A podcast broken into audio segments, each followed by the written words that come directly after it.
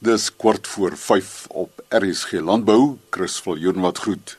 Die plaas het 'n baie interessante naam, Ginger Gypsy in die Valwater distrik in die Waterberge. Ons gesels met Miller Oosthuizen, sy vrou Susan, Johan van Staden, die plaasbestuurder en van LNR Infotech op Rodeplaat, Ewen Mentjies. Miller, jy het 32 jaar gelede al besef hier kan 'n mens sukses maak van perskes. Ek dink die uitdagings het verander met die tyd saam. Jare terug was transport en verpakkingsmateriaal was 'n probleem want die goed alles uit die Kaap het gekom, niks is hier gemaak nie. En en onkunde. Vandag het het dit baie verander. Dis heeltemal 'n ander ballgame. Ek meen mekanisasie dink ek is een van die groot uitdagings. Ons gaan nie meer vir ons voedsel kry nie. Ons gaan net voedsel goedkoper moet kan produseer om nog winsgewend te bly en ek dink die enigste pad daarvoor is is mekanisasie meer effektief ehm uh, beter onderstamme, beter bemesting, beter water, beter bestuur. Ehm um, ongelukkig is is vrugteboerdery is 'n baie loose boerdery. Hy soek al jou aandag, alles. Dit's nie 'n deeltydse ding nie. Ehm um, dis hoekom ons het op die plaas verskillende mense wat verskillende fasette van die boerdery in gespesialiseer is. Hulle is al wat hulle doen, hulle is spesialiste op hulle vakgebied. Ons het mense wat spesialis snoeiers is, spesialis bemesters en navorsers. Urban kan ek jou dadelik hier inbring. Ek dink soos wat Miller gesê het, dis 'n samevoeging van 'n klomp faktore om 'n boerdery aan die gang te hou. En uh, een van dit wat 'n groot uh, gesprekpunt is, is altyd kultivars. Ons het jare en jare gekom met kultivars wat ook maar oorgeerf is of wat uh, nie aangepas is in die betrokke gebied nie want ons koue akkumulasie in hierdie areas waarin ons werk is heelwat minder as wat in die Kaap geakkumuleer word. En was dit dis 'n 'n mikpunt van ons om deur die jare 'n genoegsame persele te kry om proewe op te doen laat 'n mens wegbeweeg van 'n een uh, een perseel situasie uh soos wat die geval was op Rodeplaat na multiperseel uh situasie wat wat ons meer samewerking met boere het en na jou kliënt toe kom en vra wat is die behoefte van die kliënt en nie net jou eie mikpunte en behoeftes uh, nastreef nie. En so so het ons by mekaar geleer, lekker geleer eintlik uit die ondervinding van boere en uh ons het heel heel van van ons kultivars wat ons uh, bekend gestel het is nie meer so 'n aanvraag ehm um, van daai jare nie. Daar's 'n magdom van kultivars oor die 40 50 teelorganisasies wat tans in die land te mekaar kompeteer met allerlei nuwe uh, dinamiese kultivars wat uh, pragtige kleure het, uh, aantreklik is uh, vir die verbruiker, hoë suikers het en wat 'n goeie drag op die bome het want want sonder 'n drag kan kan produsente nie boer nie die tyd is verby wat jy jou boerdery uit een mandjie uit kan doen. Jy jy moet van al die verskillende kweekhuise elkeen van hulle het uitblinkers. En jy moet seker maak dat jy die bestes van elke pakket kry. Jy weet om te sê ek gaan net hierdie huis in plant of net daai kweekhuis in plant is is nie sinvol nie. Ja, ek meen Johan het nou proewe gedoen met van die ingevoerde goed.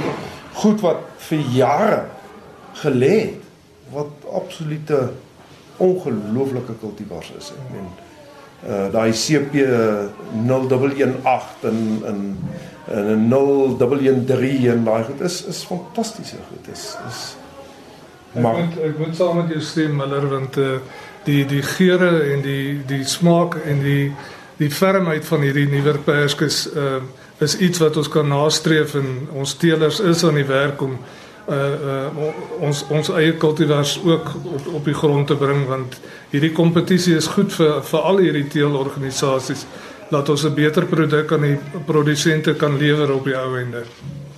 Die verbouingsmetodes het ook baie verander.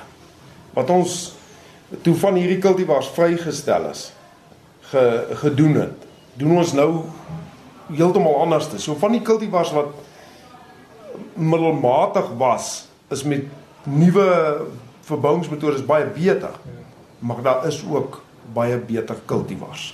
En en die klonale vermeerdering van plante en daai tipe goed het heeltemal 'n ander uh, aspek in die in die bedryf ingesit waar dit jare gevat het om 'n ding in in getalle te kry vat nou 2 3 jaar dan jy volop oogies en hout en goed om te sny so ek dink net 'n mens moet altyd seker maak dat jy saam met die soos die doelpale skuif moet jy moet jy altyd saam skuif jy moenie een eendag gevang word dat jy ver agter is en jy gaan nooit weer na nie. Jy kan nie met 'n boom kan nie weer na nie. As jy agter is is jy klaar geboel maar ons vergeet dat die kultivar se onderstam is die basis blykbaar van alles nie waar nie.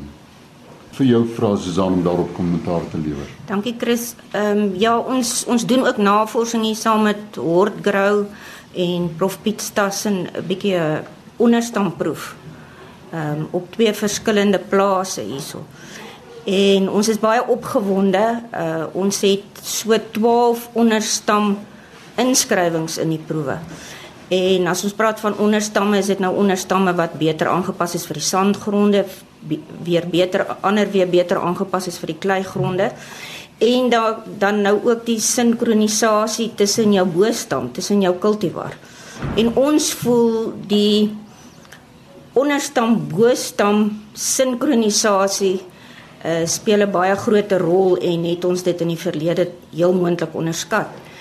En ons het nou reeds hierdie jaar 1 jaar se data ehm um, wat betref opbrengs. daarmee saam praat ons dan nou van ehm um, grootte van vrugte. Ons praat van vroegheid van die bepaalde kultivar en ons ons kry baie goeie inligting daai uit en ons is baie opgewonde. Ons wil graag die proef nog oor 'n paar jaar hardloop saam met Hortgrow en in Prof Piet Stassen, maar daar's regtig belowende goed wat daar uitkom en Ons dink ons kan van die inligting gebruik en aanwend ook om ten opsigte van vroegheid van 'n onderstam 'n ou se oes 'n bietjie te te verleng as mens 'n bepaalde wennerkultivar het om hom bietjie te strek ten opsigte van rypwording. Die koubehoefte uh, van ons kultivars en die onder, onderstam boestam interaksie is deurs, uh, deurslaggewend vir vir produsente se sukses uh op op hulle plase. En uh ons het jare en jare gegaan met ou onderstamme uh, soos Kakamas byvoorbeeld en daar's deesdae 'n hele mandjie vol in insluitend nuwe onderstamme van Evrotech as ook van uh uit Amerika en uit uit ander teelorganisasies wat wat lekker is om te sien, jy weet wat wat die resultate is met die onderstamme. Daar's 'n gesegde wat sê meet is weet. So alles moet jy meet. Ehm um, die kunsmis toediening moet aanpas by die oes wat afgehaal word en daarvoor het jy weer spesialiste nodig om dit toe te dien. Ehm um, die koste verbonde daaraan om iets te produseer is so hoog dat jy nie kan raai nie. Jy moet presies weet wat jy moet neersit, wanneer jy dit moet neersit en watter formaat jy dit moet neersit. Want dis meetbare goed. Al die ander goed wat buite jou beheer is, kan jy ongelukkig niks aan doen nie.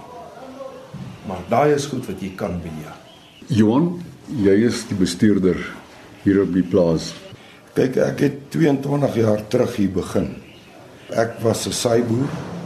Muller het my in die diepkant ingegooi. Hy het vir my 3 bome gesnoei en vir my gesê daar's hy. Vir die eerste aantal jare het ek die boord gedoen, die bemesting, die besproeiing, die snoei, die oes van die vrugte. Miller was verantwoordelik vir die pakhuis en die bemarking en ons het hard gewerk.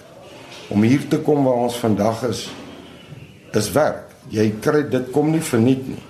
En op hierdie stadium is Miller se oudste seun saam met my in die boorde.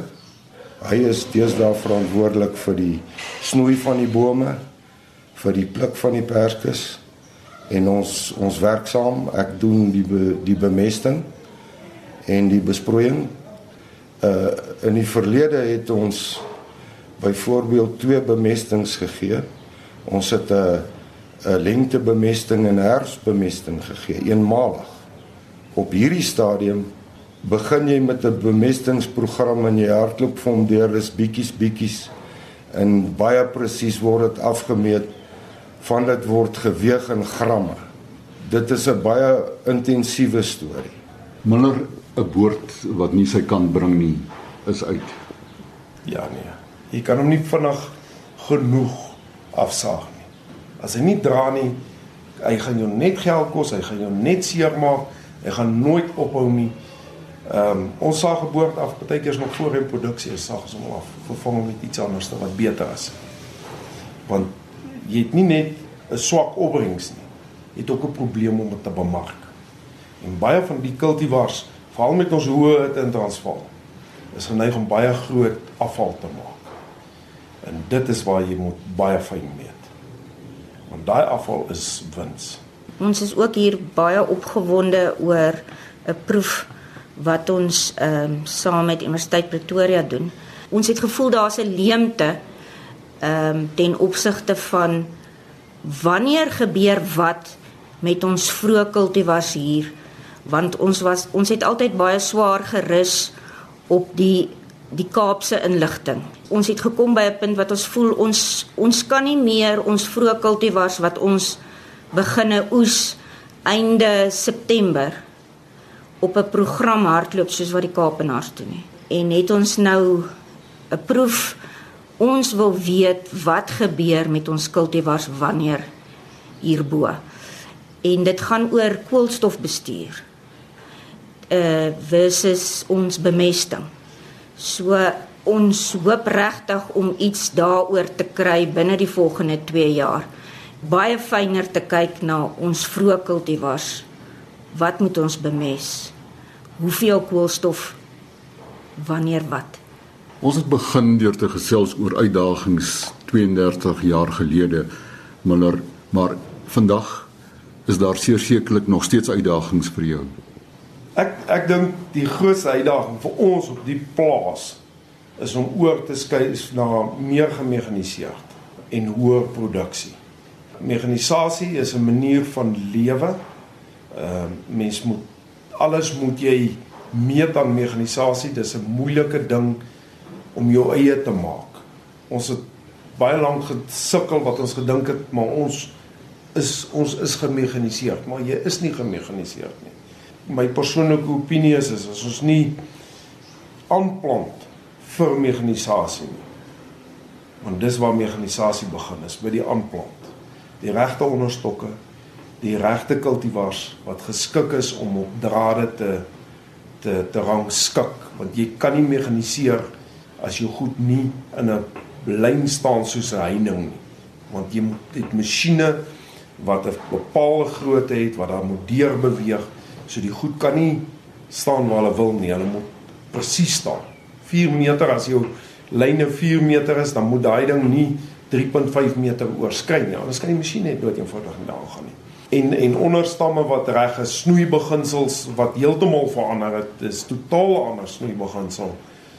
En op hierdie stadium is ons is ons baie baie baie baie, baie optimisties. Dit lyk baie goed die ehm um, bemesting omdat jy so baie hout verwyder na oes is jou probleem maar om genoeg reserves op te bou vir die boom om mee te bot.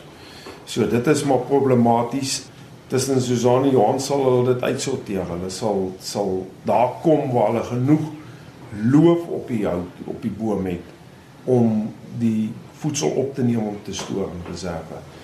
Ek het nie ek nie twyfel dat dit is die pad vorentoe. Ek wil 'n woord van dank uh, rig aan Miller en Susanne en uh, Johan en so kan die ander fase 3 evalueerders uh, uh, Leon Eksteen van van Buffland en Proplan uh se Paul Roos almal het 'n bydrae gemaak dat laat kultivar staande gemaak is in hierdie area en daarvoor is ek dankbaar en jy weet ons ons hoop vir verdere samewerking in die toekoms. Ginger Gypsy is perskeboer Miller Oosthuizen se plaas hier in die Valwater distrik in Limpopo.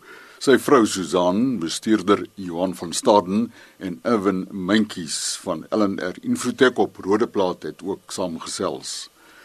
Dan in RSG Landbou môreoggend om kort voor 12 verneem ons van die Tankwa bok. Chris Viljoen wat groet.